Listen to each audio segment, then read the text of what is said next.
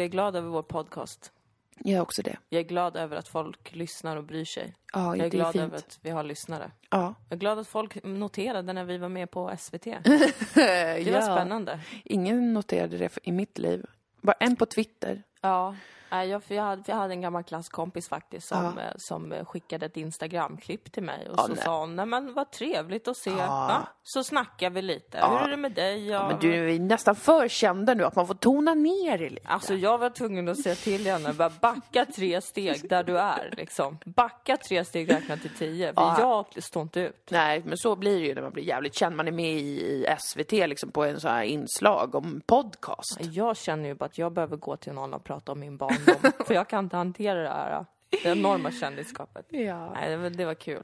Jag är också tacksam över våran podcast. Eh, Jag är tacksam över den lilla men naggande goda skaran som lyssnar. Ja. Jag tycker att de är bra människor. Ja, det tycker jag med. Och jag vill att alla som undrar ska få klart för sig att jag vill inte ha fler lyssnare Nej. till vår podd.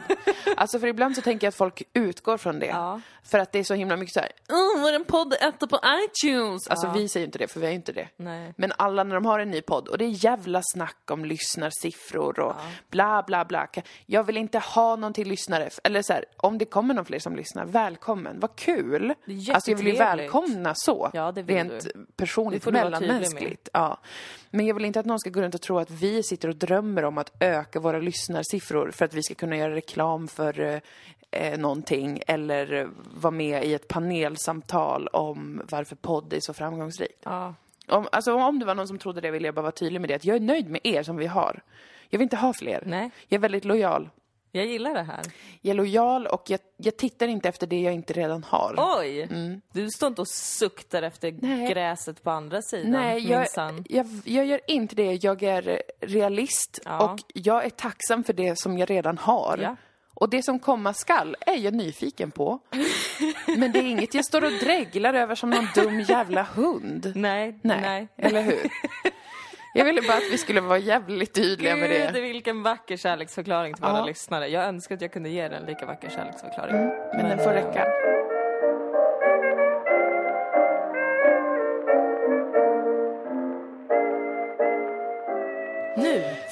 Flygrädsla. Ja. Moas psykologiska tipsskola. Väldigt trevligt att Ja. ha dig här. Eh, Moa, du har flugit till Umeå. Jag flög till Umeå. När man flyger från Malmö till Umeå, då Ja. får man lyfta och landa två gånger, för man mellanlandar på Bromma. Jag är rädd för att flyga, har varit det i mitt vuxna liv. Inte som barn. Då flög jag några gånger, var inte rädd. Nähä. Sen runt 20 började jag utveckla en panikkänsla inför att flyga. Ah. Ehm, det brukar ta sig som i uttryck att ehm, jag blir alltså oerhört rädd. Alltså helt enkelt flygrädsla. Ja. Jag vet inte om man kan förklara det mer än så. Det är ett väldigt beskrivande namn. Ja, det känns som att jag ska dö för jag sitter i en metalllåda 10 000 meter upp i luften eh, och har ingen aning om hur det kan gå till. Nej. Samtidigt som jag alltså ser ut att jag är 10 000 meter över marken. Ja. Så då tror jag att jag ska dö så fort det skakar till. Jag börjar kallsvettas, jag får yrsel och vill kräkas och börjar skaka och eh, måste böja mig ner för det känns som att allt blod rinner liksom ner i fötterna. Ja, Eh, och sådär. Och så samtidigt måste jag försöka hålla upp en fasad av att det inte är så farligt. just det, att, för man eh, får ju inte ha panik på flygplanet. man får inte ha känslor i det här jävla landet. Nej, Nej, men alltså det är ju lite så här, jag, jag vill ju inte påföra det på någon annan. nej. Att jag är Nej, flygrädd. precis. eh, ibland när jag flyger med dig eller med någon annan vän eller sådär, familj eller så. Då säger jag ju till. Ja, Försöker jag ofta panikprata lite. ja. Eller sådär. Ja. Det brukar vara bättre. Men nu, Då brukar jag vara så dålig på... ja du vill bara lyssna på Alicia Keys. Förlåt mig, jag ska, jag ska tänka på det nästa gång. Nej, det är okej. Det är okej. Jag vill inte, jag vill inte ta upp värdefulla Alicia Keys tid. Så här är jag när jag transporteras någonstans, oavsett fordon. Jag vill bara stirra ut genom fönstret och lyssna på musik. Och kanske känna mig melankolisk. Det, det är ganska vackert. Det är min bästa bubbla.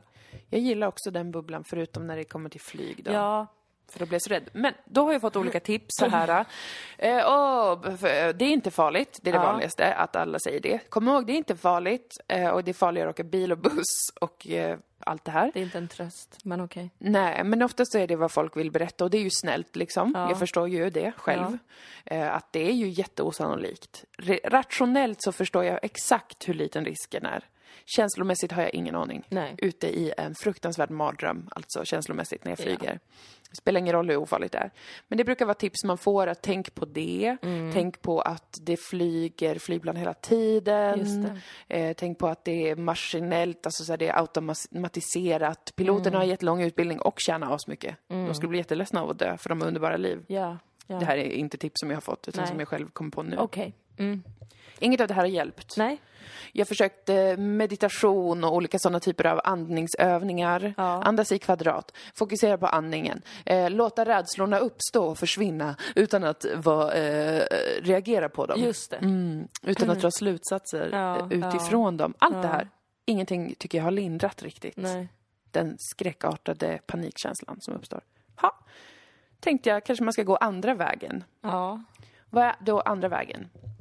Det är att Acceptera döden. Nej, inte nödvändigtvis. Men snarare acceptera att jag upplever att det är en dramatisk situation. Ja.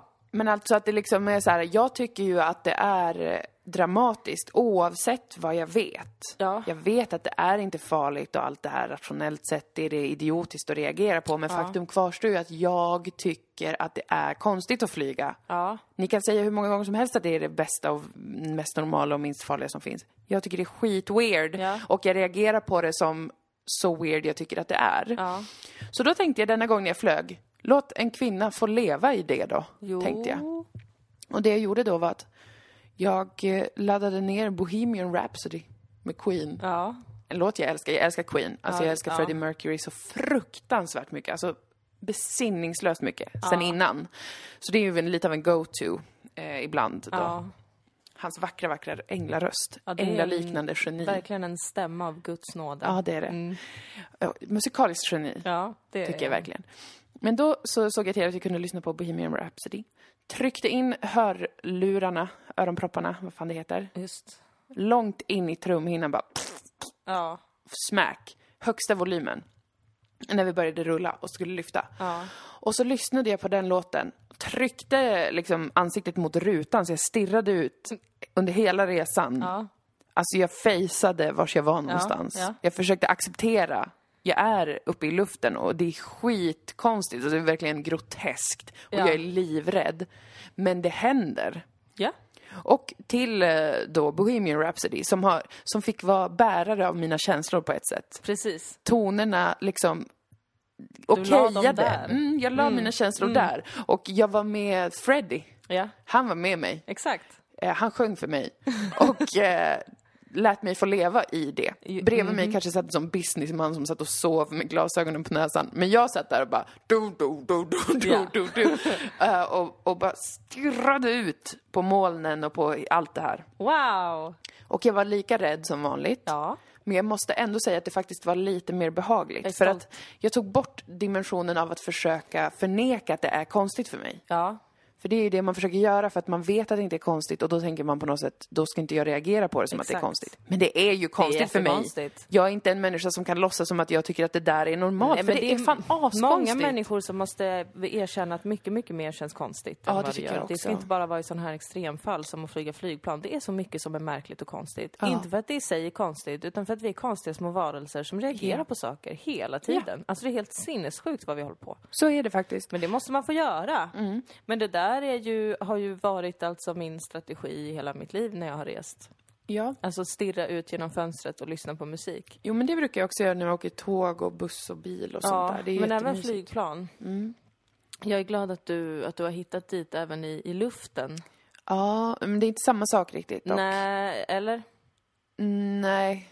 Alltså jag lyssnar bara på den låten. Den är ju fem minuter och flygningen tog 50 minuter till, till Stockholm och sen 50 minuter till till Umeå. Så jag lyssnade på den, alltså vad blir det om man lyssnar på den om och om igen? 10 gånger, 20 gånger. Okej, jag På kanske har repeat. en större bredd i, i, i... Det är inte lika skräckigt. Nej, men den fyller ju en annan slags funktion den låten. Ja. Alltså det var inte så här, det här är en bra låt, nu känner jag något för livet. Utan den fyllde funktionen som var, du får vara livrädd nu, det här är helt jävla Mm. sinnessjukt. Det är okej. Jag har ju vissa låtar som jag är, är paniskt rädd för att lyssna på när jag åker Mhm. någon form av transport överhuvudtaget. Vad- Vilka är det? 747 med Kent till exempel. Okej. Jag kan inte åka flygplan som är 747 heller. Bara, Så jag är alltid det är något- jätterädd när jag är på flygplatsen och ska kolla vad det är för flygplansnummer eller vad det Men skulle modell. du liksom, om det var 747, skulle du inte åka med det då? Jag skulle åka antagligen, Mm. men jag skulle vara väldigt rädd och jag skulle ställa in mig på... Alltså varje, varje resa jag gör tänker jag ju på döden. Ja. Då tänker jag ju att nu ska jag åka någonstans. Mm. Jag försöker föreställa mig hur det ser ut när jag kommer fram. Mm. Och under tiden så tänker jag på att, hur jag, att, jag accep- att, att jag jobbar mycket för att acceptera min död Ja. ifall den skulle uppstå under Ja. en resa.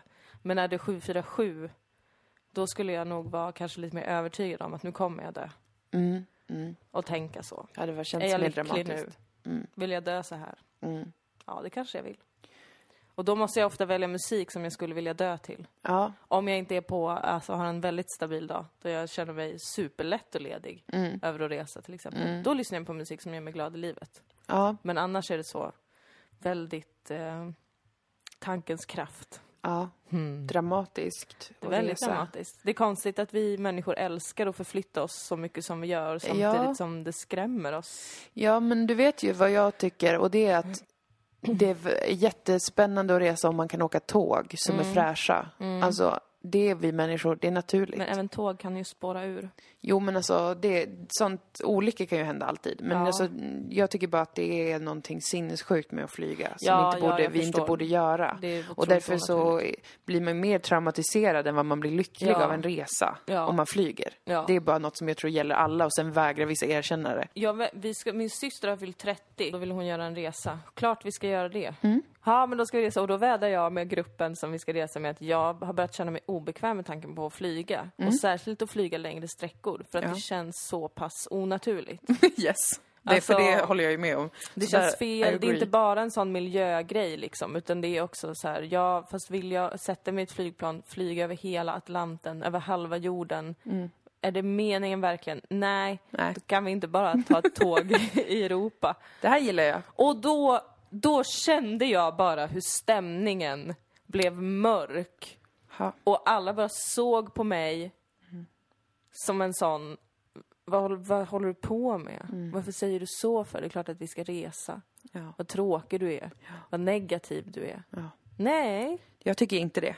det är väl klart att jag också vill se... Alltså det finns inget mer life-loving än att åka, vilja åka tåg med folk. Eller hur? Det är hur trevligt som helst. Man får tid tillsammans medan man förflyttar sig. Ja. Så man hinner uppleva att man fysiskt är på väg någonstans. Ja.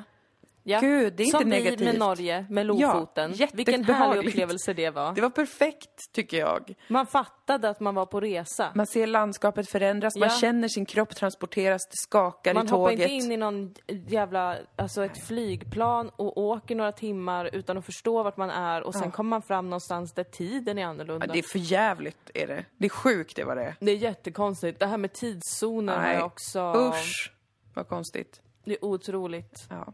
Otroligt underligt. Men eh, det, det, det här jag vill mena är det är inte att vara negativ eller att inte vilja resa. Det här är bara att ha en annan filosofi kring vad, vad resandet ska vara. Ja, jag vet inte. Jag känner mig ofta väldigt tråkig alltså. Nej, men du måste börja stå upp för eh, din, din egna, din konstitution Ja, som eh, har en åsikt.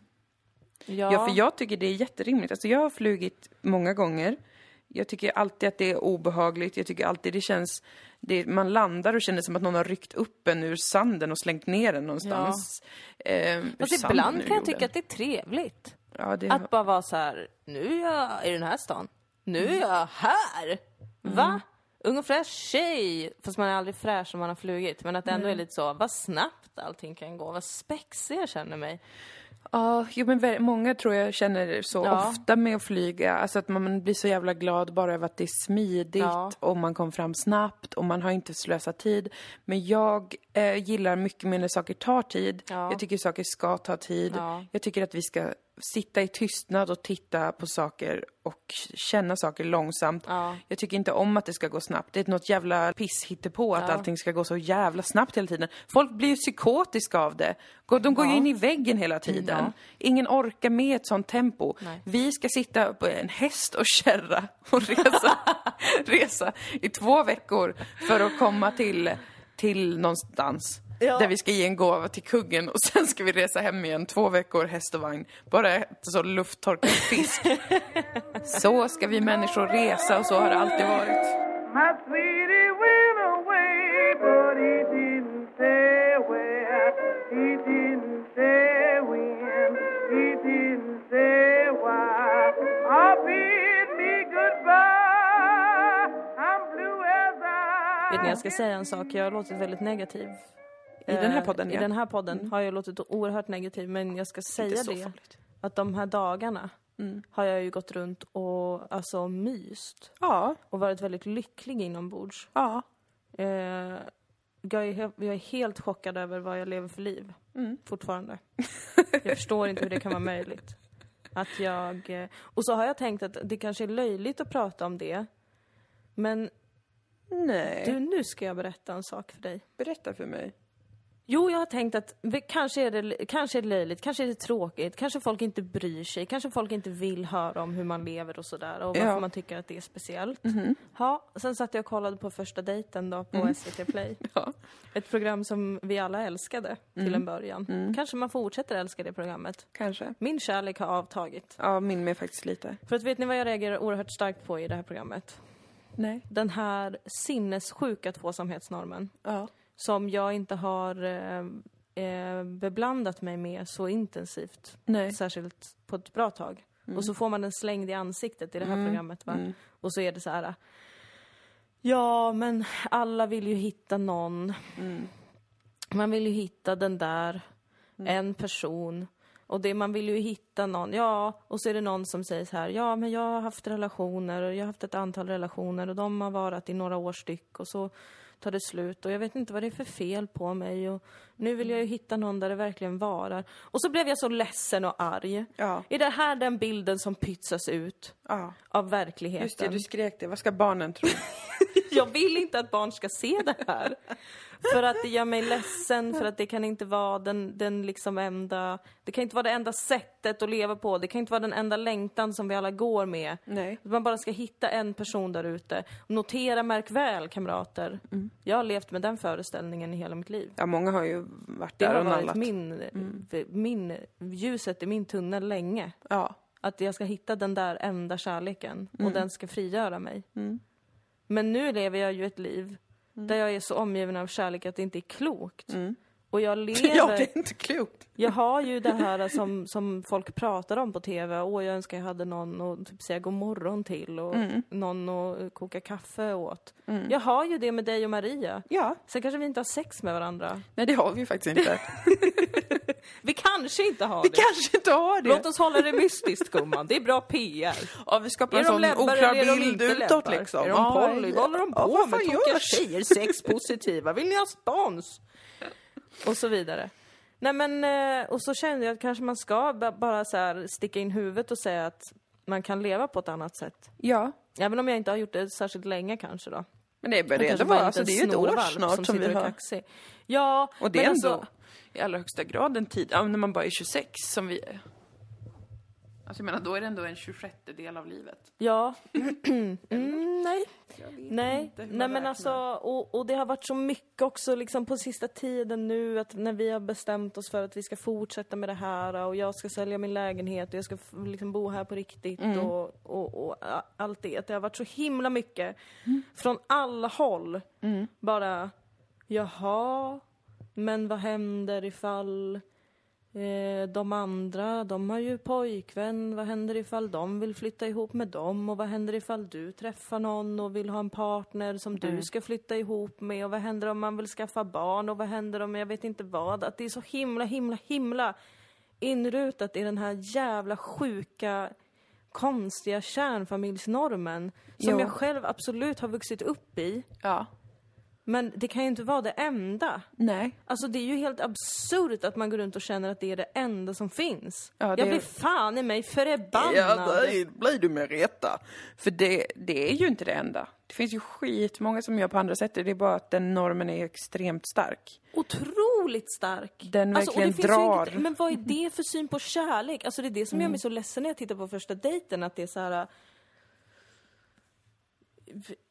Eller liksom som de snackar om det typ i programmet och produktionen så är det såhär, oh nu ska vi hitta kärleken åt folk och bla bla bla och det ska bli så vackert och de ska, de ska hitta varandra. Men hur fan ska människor kunna hitta varandra om de får en liten form att klämma in sig i när de ska göra det? Vad i helvete? Det är lite sad. Det är jättetråkigt tycker jag. Ja. Alltså jag blir inte arg på människor som lever så, jag blir bara arg på att det är det, är det enda som får finnas. Och jag trodde att det jag trodde nog faktiskt inte att det var så starkt. Jag tror jag har varit naiv i det. Kanske. För att jag har också tänkt mycket liksom eller en del av typ att leva med dig och Maria och ha, ha vårt liv som vi har haft det nu det senaste året och sådär. Har, ju, har jag ju också många gånger varit så här. Okej, men nu känns det för bra, eller nu är det för bra, eller nu går det för smidigt. Det måste finnas någon hake med det här faktiskt. Alltså det kan inte vara, för att annars hade väl inte alla varit så oroliga kring det här. Nej. Eller folk har inte varit oroliga, men det är ändå de här typ den här stämningen av att ni vet väl att det här inte riktigt är på riktigt Ja, just det. tjejer. Mm. Det här är bara lite pausunderhållning tills ni blir vuxna och vill leva ett riktigt vuxet liv och typ Lol. bli gravida och bli läskiga vargar och sen kommer vilja riva andra människor i halsen om de kommer nära. Nej, jag, blir- jag blir, så jag vet inte. Jag ville bara skicka ut det, att man kan, så Ja. här, det här finns också. Ja, det gör det i allra högsta grad. Och ehm, det är ju, alltså för jag tycker att det är fundamentet i den synen på kärlek är ju faktiskt, tycker jag, som jag förstår den, Ja. det fundamentet, är att man i princip säger att du bara kan ha en väldigt nära vän. Alltså att vänskap eh, är så, någonting som är så pass ansträngande att ha med någon. En sån relation. Så, alltså den du delar allt med och den som står ut med dig när du är jobbig och den som är där när du kommer hem. Allt det där som man förknippar då med då en heterosexuell tvåsam relation Ja. oftast. Eh, normbilden. Eh, men det, den går ju ut på lite att det, det är för svårt att dela livet med fler än en person så därför måste du lägga alla äggen i den korgen. Och du måste också ha en hierarkisk eh, uppdelning av dina relationer. Det är en som är nummer ett och den är alltid det och sen har du några som faller under där som Ja. är jätteunderbara att ha i livet men som du kanske inte kan leva med på det sättet utan Mm. du ses med dem någon gång då och då och sånt där. Alltså det, det är som en stark övertygelse då att det är så vi fungerar. Ja. Det är så man måste lägga upp livet. Men anledningen till att så många har lagt upp livet så har ju varit av ekonomiska skäl. Alltså Ja. varför par bor ihop och varför man bor ihop när man får barn och liknande. Det har ju varit för att det har också premierats ekonomiskt på olika sätt. Det har varit svårt materiellt att klara sig på andra sätt. Och det blir också då svårare att ha flera olika relationer samtidigt som är djupa på det sättet eller som man delar eh, sitt liv Men är det inte within. underligt då att alternativet till, eh, för det känns ju logiskt, det kan jag hålla med om. Tvåsamheten har ju uppmuntrats. Ja, eller kärnfamiljen då i förlängningen då. Ja, förstås. precis. Mm. Men är det inte då konstigt, eller sorgligt i varje fall, att alternativet till det, eh, alltså vägen fram dit, ska Mm. vara ensamhet? Jo, det är jättekonstigt. Alltså att man då hellre ska leva själv. Mm. Och också att eh, om man tänker sig att man har en primär relation hela tiden Ja. så blir ju den så himla utsatt tänker jag. Alltså den är så oskyddad den relationen. Jag menar alla gånger som jag i min eh, tvåsamma relation har problem med mig själv eller med hur min kille är. Problem, men alltså man har man har saker som man inte han förstår. slår dig, ja. Ja, han slår mig. Ja. Nej, det gör han inte. Men man har, eh, som i alla relationer, det är ibland pissvårt och man vet inte vad man gör och vad den andra gör det. Alltså om, om jag inte hade haft liksom en ständig tillgång på mina nära andra relationer så vet jag fan inte hur jag hade kunnat förstå den relationen och mig själv. Nej. Och på samma sätt med nära vänskapsrelationer, när det uppstår liksom låsningar eller problem eller man förstår inte varandra.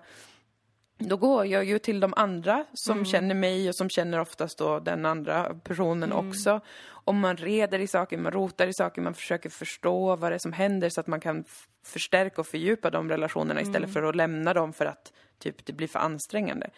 Så då blir det ju som att man har ett system av närrelationer som skyddar varandra. Ja. Istället för att ha en nära relation som står helt ensam och när det är problem i den så har man ingen hjälp, man har ingen... Nej. Alltså jag tänker också på att alla de här alltså att man har flera tvåsamma relationer ju för att man har alltid en relation med en person, även om man är en del i ett gäng. Ja. Eh, men att den tvåsamma relationen, om det är med en vän eller om det är med någon man också ligger med, den är något som man behöver hjälp av sin pack att klara av. Ja men som att med förstå. alla relationer. Varenda liten jävla relation man har. Ja, behöver visst. du någon annan för att kunna hantera den lite ibland. Ja, men det tänker jag verkligen för att det blir också en sån eh, idé om att du ska vara ensam i din... Dels ska du ha en, en primär tvåsam relation och du ska vara ensam i den på något sätt.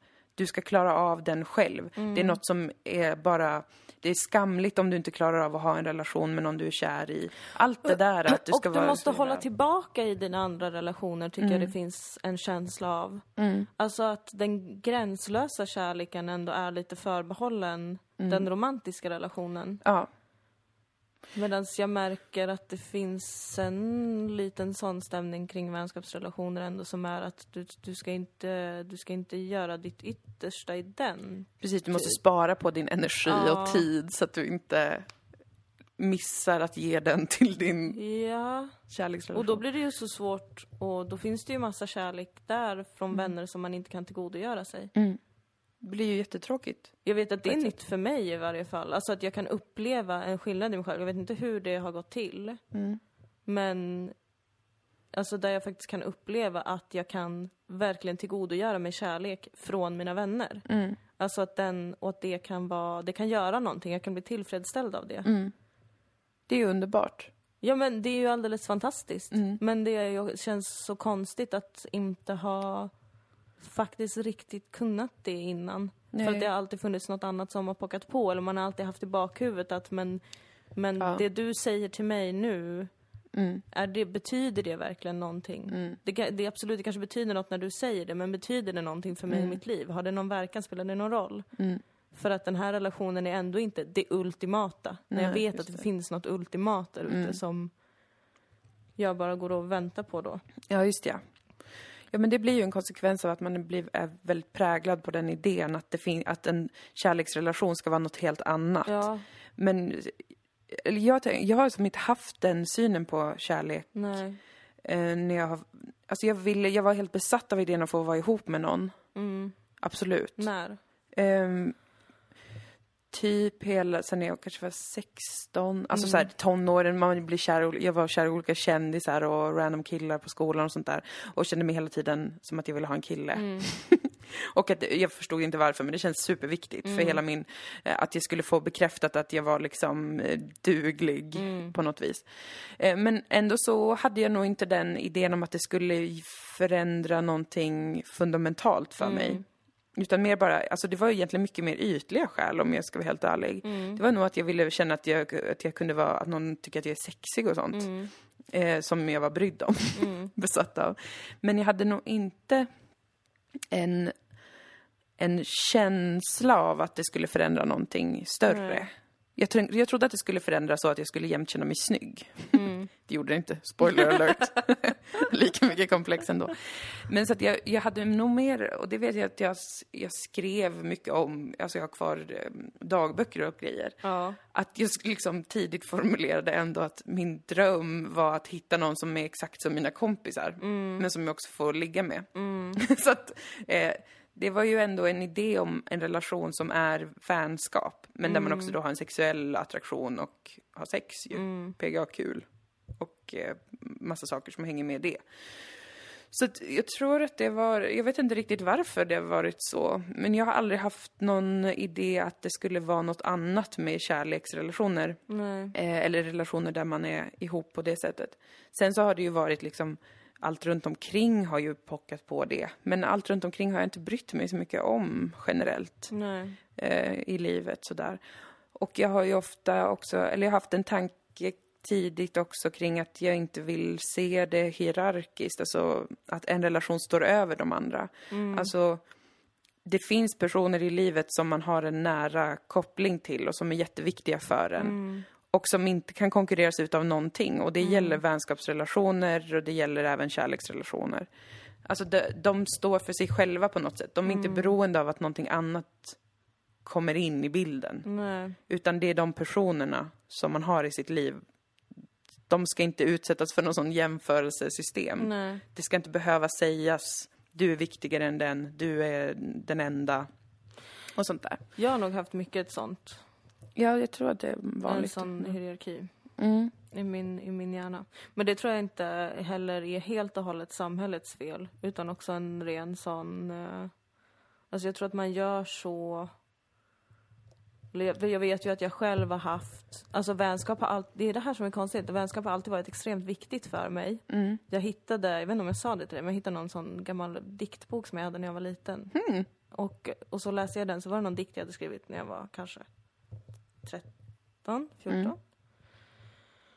Var någon sån bombastisk dikt om vänskap och hur viktigt Mys. det är och med lojalitet och, och, och allt det där liksom. Mm. Det, och det, det har varit svinviktigt för mig. Det har alltid varit, det var så viktigt för mig att få ha mina kompisar genom Ja. hela mitt liv. Men att jag också samtidigt har haft en ganska stark sån känsla av att, eh, och det tror jag att många kan relatera till, att ingen kanske tycker om en egentligen. Mm. De där grejerna. Eller liksom att... Eh, och det kanske hjälps av då att man också samtidigt har en bild av att det finns en stor kärlek där Ja. ute som kommer, då kommer jag förstå mig själv och då kommer allt bli bra. Mm. Att man också lite av den anledningen håller borta vänskaperna och Mm. samtidigt typ inte ser sitt eget värde ju. Ja. Och är så här, ja okej, jag förstår inte riktigt varför du umgås med mig. Du umgås med mig nu, det är jättekul, jag blir Mm. jätteglad, men jag vet att du kan försvinna imorgon för att jag förstår inte riktigt varför du tycker om mig. Mm. För du kan ju inte tycka om mig för den jag är. Just ja. Mm. Och då är det så intressant att man inte gör den logiska kopplingen att typ om jag är så här med mina vänner, Mm. det är ju vad jag har, har förstått nu då, Mm. men som jag på väldigt länge inte förstod på riktigt. Även Mm. fast det är så lätt att säga. Men att om jag känner så här gentemot mina vänner, hur, vad händer om jag då träffar den här kärleken? Ja. Och inte heller med den personen kommer ju jag då förstå, varför tycker du om mig, varför är du med mig? Nej. Då kommer jag ju distansera mig från den människan också till slut. Ja. Jo men antagligen, eller, eller gå in i en relation på, på premisser som, där man inte får vara hela sig själv. Ja, att man går in i en där man- relation så för att man tänker att man ska vara en viss typ av då Nu ska jag kvinna. ha det här. Ja. Och nu får jag den här bekräftelsen. Och det här tycker jag också är så läskigt med att vara en kvinna som attraheras av män. Att Mm. man hela tiden faller in i den här, nu vill jag att du ska tycka att jag är sexig. ja. Även när man tror att man inte gör det. Mm. Men det är faktiskt fascinerande just när man tänker på relationer och det där, alltså i, när man kollar datingprogram och sånt, att många pratar om det, att de har en väldigt konkret, tydlig bild av att någon ska passa in i deras egen bild Ja. och de ska se ut så här, de ska ha de här sakerna, de här jobben. Det stressar mig finns- så mycket, för när har Ja. de kommit på det här då? I sin ensamhet gått runt och filat på typ, vad blir, vad blir bra, vad kommer se bra ut Alltså och vad kommer jag jag kan må ju bra av? tänka så här, jo jag skulle ju vilja, om jag, ska, om jag träffar någon på det sättet så skulle jag ju vilja att det är någon som funkar kanske med typ, men människorna jag bor med Mm. Ja visst, och mina vänner. ja, Det skulle jag ju uppskatta. ja. Men vad mer kan man kräva av Nej men visst, alltså vad, det är ju, helt ärligt är det ju så. Alltså, vad mer kan du någonsin, vad kan någonsin betyda någonting i jämförelse med det? Alltså, Men det är så svårt tycker jag för att så fort, så fort, så fort det där eh, dyker upp alltså. mm, Så fort det blir eh, aktuellt med sådana relationer, ens bara i tankens värld. mm, Då känner jag nästan hur min hjärna börjar ställa om. mm, In till ett annat tankesätt. In till ett annat sätt att se på relationer. In till andra förväntningar ja. än vad jag har på till exempel vänskapsrelationer. Ja, det är, nog, det- det... är nog vanligt som fan, men Uh, jag tycker inte om det. Men, eh, men, eh, det, men ehm, jag är medveten om det i alla fall. Det är alltid en tröst. Ja, men det är, det är ju alltid är något att, att gå på i, när man försöker förstå vad det är man eh, gör och vad man mår bra av. För jag menar, det är också en sak som är jävligt svår att veta vad man mår bra av till exempel. För det är också helt olika. Men om, om du märker att du mår bra av vissa sätt som du gör på, då är det ju logiskt att tänka sig att de sätten kommer du fortsätta må bra av. Ja. Även om det skulle vara en annan typ av relation, alltså med en, eh, kanske då en kille.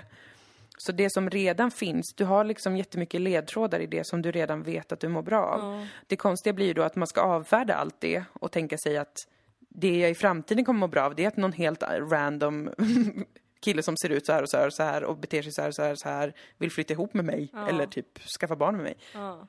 När man redan sitter på asmycket fakta som är typ, jag blir lycklig av de här grejerna, jag känner mig sedd då och då, jag blir trygg av det och det. För att man redan är det på vissa sätt ju. Men det är väl också för att man inte... Just för att de, oftast de sakerna som man ju letar efter då i en romantisk relation, Mm. som du säger, får man ju redan. Alltså bekräftelse och sådär till Ja. Mm. exempel, förhoppningsvis.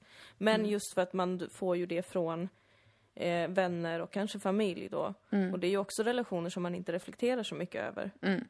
Mm. För att både vänskapsrelationer och familjerelationer är ju lite så att de ska funka per automatik. Det finns inte Precis. så mycket att... Ja, särskilt familjerelationer är väl kanske så. Mm. Där är det ju väldigt, där uppmuntras det ju inte till mycket kommunikation Nej. människor emellan. Nej. Där är det väldigt många som får sitta och säga att nej men det bara är så. Mm. Och det går inte att ändra någonting. Det är, så, det är konstigt. Men vad var det jag ville komma med det då? Jo, om man inte erkänner de sakerna, alltså om man inte erkänner till exempel, alltså om man aldrig någonsin reflekterar över då när man känner sig bekräftad, för att det kommer från vänner till exempel. Och vänskapsrelationerna ska ju inte betyda någonting. Mm.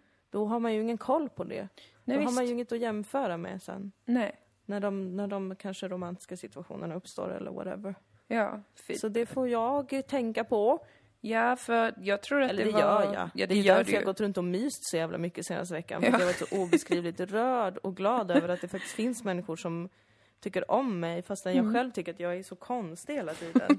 Och ändå är så är så ni konstig. här och ni blir glada och ser mig och Ja. ni vill göra saker med mig Ja. och bo med mig till och med. Jajamän. Och det är ju faktiskt jättekonstigt och kul. Inte från mitt perspektiv, Nej, men, men från, från ditt. mitt perspektiv så är det ju lite märkligt.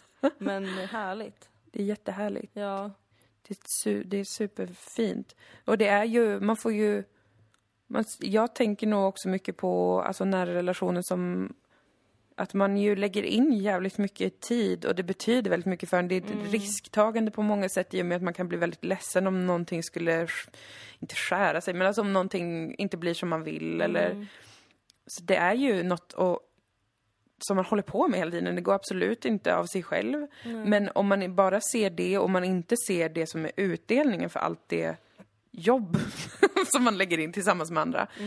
Då, blir, då kan man ju tycka så här, bara, fan vad ansträngande att typ bo med vänner eller ha sådana typer av nära relationer skulle man ju kunna säga då att gud, alla de kriserna eller de gångerna när man är typ o- ledsen och man vet inte varför och det tar jättelång tid och bara ah, jävlar. Men om man om man ger om man har en mer fair bild så kan man ju också då börja upptäcka just det, alla de dagarna när man mår superbra, känner sig trygg och man är glad över att komma hem och man känner sig, man blir, man blir positivt överraskad, någon har gjort något hemma. En, en nära vän har kommit ihåg något som man själv hade glömt. Man får hjälp, alltså då är det ju så uppenbart att man får ut så fruktansvärt mycket för det liksom, för den tiden som man lägger på att gå igenom vissa eh, krisiga känslor med sig själv och liknande. Men det är ju också, får man ju inte glömma bort när man då ska ta, ta vänskapen på ett större allvar. Att även den är ju magisk. Ja, verkligen. Alltså, för att det är, ju, det är ju också en sak som är lättare att konstatera i den romantiska relationen. Att typ, men här är det någonting som är speciellt och som man inte kan sätta fingret på men som uppstår liksom mellan oss. Ja. Och samma sak är det ju med vänner. Mm. Och det måste man också komma ihåg. Att det är ju Ja. något, något, det är ju inte magiskt, det är kärlek. Ja. Kärlek är ju det där som man Det inte kan precis. förklara, men som bara är där. Och det är ju kärlek, Mm. allt det där som du beskriver. Mm. Och magiskt, och det går inte att ha med vem som helst. Nej. Och de personerna som man hittar i denna sjuka, groteska värld som man känner så inför, det är ju inte mer än rätt att de får vara de personerna i ens liv. Inte en plats i en eh, hierarki över vem som är närmast vän eller den bästa på det och det, utan det är personer, alltså det är som små guldskatter. Det fokuserade jag mycket på faktiskt när vi hade flyttat ihop, Mm. vi tre. Jag märkte att jag, det var lätt att hamna i sånt, att typ, och nu I'm the new guy och Mm. ni har eran relation och vem är jag i det här och då är det lätt att tänka väldigt hierarkiskt. Ja. Och då försökte jag alltid motverka det genom att verkligen fokusera på att nej, jag har en relation till Moa, Mm. jag har en relation till Maria Mm. och sen har vi alla tre en relation. Ja. Och det enda jag kan göra är att fundera på de här tre olika konstellationerna. Ja. Och inte tänka på vad ni har. För det är klart att ni också har en relation. Ja, visst. Den är, sen var den är, över, under, bredvid, whatever. Precis, den kanske bara är en, en till Ja, härlig grej. det är ju alldeles... Mm, det går som ett rus genom kroppen, tycker Ja. jag. När man, när man har behövt anstränga sig för någonting vänskapligt. Mm, Alltså att något har kanske varit jobbigt. mm, Och så pratar man om det. ja. Och är helt ärlig. Ja. Eller någonting, något är jobbigt. Och man kanske är rädd för att det ska ta slut. Ja. Eller något ska gå snett nu. Mm. Eller nu är vi arga på varandra. Men så vågar man göra det där jobbiga. Mm. Och så blir det så bra, alltid. Mm. Det är alltid så behagligt. Det är otroligt Det är verkligen behagligt. ett livsstilstips. Det Och då måste man ju våga saker. se magin i vänskapen. Mm. Om man ska kunna göra det. Och få vara även dramatisk. Något Verkligen. som du är väldigt bra på. Jag är extremt dramatisk. Alltså det är toppenbra. Nej, men att bara vara så här, alltså jag hade en episod med en vän där, där, där vi bara, du vet, satt och grät och bara, Mm. men du är ju, du är ju, det är ju helt otroligt att jag har dig i mitt liv. Alltså det Mm. var inte ens något dramatiskt som vi diskuterade. Nej. Men bara att det var så skönt att typ någon gång ibland få bara ta en person åt sidan och vara så här, du är magisk för mig. Mm. Till och med sådana här små skitsaker kommer vara jätteviktigt för mig och vi måste lösa det för jag kan inte vara utan dig i mitt liv. Mm. Det är så, så mycket, spännande. ja. Det är sånt som man, jag bara har föreställt mig att man ska säga att jag älskar det liksom. Ja. Men Ja. som får finnas även här. Ja. Jag gillar det. Ja, det, det gör jag också. Där gör jag med. Det, det är mycket behagligare. Inte nödvändigtvis lättare på något sätt. Nej. Men, eh, men värt det. Och så självständig man blir Ja. om man ska vara sån. Ja, Nej men jag har aldrig känt mig så självständig som när jag får hjälp av Nej. så många det är Som det verkligen bara går. sant. och stöd. It takes a village to even lead a life. Yes it does, it truly does. Men det är väl veckans medskick. Mm. Våga vara kär i dina vänner.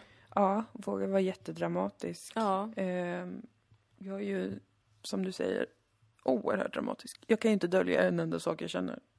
Nej. Skriker. Nej, jag sk- skriker verkligen inte. Men fruktansvärt sårad. Jag ibland. kan dölja jättemycket av det jag känner. Jag är faktiskt otroligt bra på det. Men då har jag ett trick som är att jag har börjat säga bara rakt ut istället om Ja. vad jag känner. Och jag tycker inte du är så bra på att dölja vad du känner. Nej. jag tycker jag är jättebra på det. eh, nästa vecka kommer vi till Umeå. Ja, Musikhjälpen 15-16 december. Ja, vi, eh, vi kommer ha quiz på kvällen den 15 på, hund- Gröna på älgen. Gröna Älg. Ja. En? Gröna Älgen? Gröna älgen. Gröna Älg? Bestämd form. Okej, Gröna Älgen. Där kommer vi vara. Kom dit. Ja. Det kommer vara quiz på temat Vår podd. Vår LOL, värld. sorr, Vår värld. Ja. Heter quizet, men det är vår podd. ja, För det är ju vår värld. vi kanske tar in något från Instagram, någon fråga. Jajamän. Vem vet? Eh, dagen efter på lördagen så eh, har vi improkväll tillsammans med Yes. Tora Larsson och Elvira Lander från Humor är kul. Ja! Det ska vi göra på 100 100, precis. i Umeå. Mm. Och då är det ju så att vi inte kommer ta något inträde på någon av de här kvällarna va? Nix. För att det är public service. Men ni ska ju komma dit och donera pengar. Ja, vi kommer ha en digital insamling som vi sen ger till Musikhjälpen. Ja. Men eh, kamrater och mötesdeltagare. Ja. Oh, vi är klara för idag. Det är vi. Vi lyckades spela in en podd. Ja, det var riktigt mysigt att prata om mysigt. relationer och vänskap. Och. Resor och relationer. Ja. Tror jag att det här avsnittet Ja, kommer att få heta det blir faktiskt. jättebra. Ja. Jättebra. Och då tackar vi. Ja. Vi uppmanar än en gång till att sprida kärlekens budskap över världen. Krama de äldre, de yngre, de medelålders. och djuren. Och god jul. Ja, vi återkommer nästa vecka. Jag vill bara säga en sista sak. Ja. Julkalendern är ganska fet i år. Kul. Men den är producerad av Warner Bros. Så jag vill att vi Ja. alla som lyssnar på den här podden och älskar TV ska hålla utkik nu när vi Vad kollar är på det TV. Warner Bros håller på med Warner riktigt? Bros håller på att producera väldigt många svenska produktioner. Det känns otryggt. Jag vet, visst känns det konstigt? Ja, puss och kram på er. Puss puss, hej då!